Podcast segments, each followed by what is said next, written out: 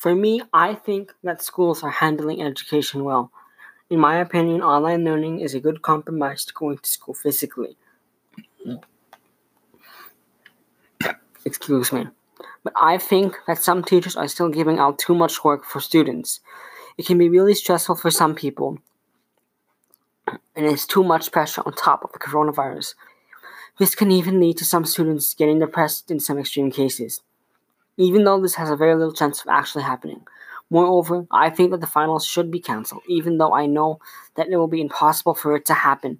In the fall, it is very likely that normal education will resume. Instead, I think that we will just continue online learning until all of this blows over. But I am unsure of how they will handle students moving into new schools.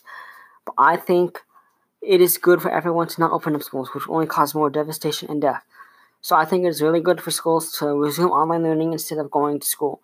This is because I think the pandemic will only start to get worse from now. This is an unpopular opinion, but the reason I believe that the coronavirus cases are only increasing is because the states are reopening their economies, which can cause lots of people to die or get sick. But I so this for this reason I think that school will only continue will not continue on the learning in the fall.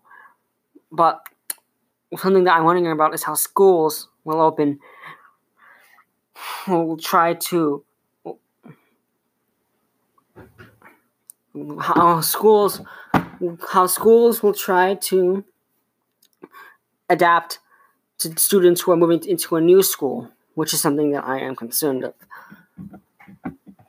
But if schools do reopen, this will be only bad a bad thing because it's only going to get kids sick, which will make the the kids' relatives get sick, which will only cause more people to die.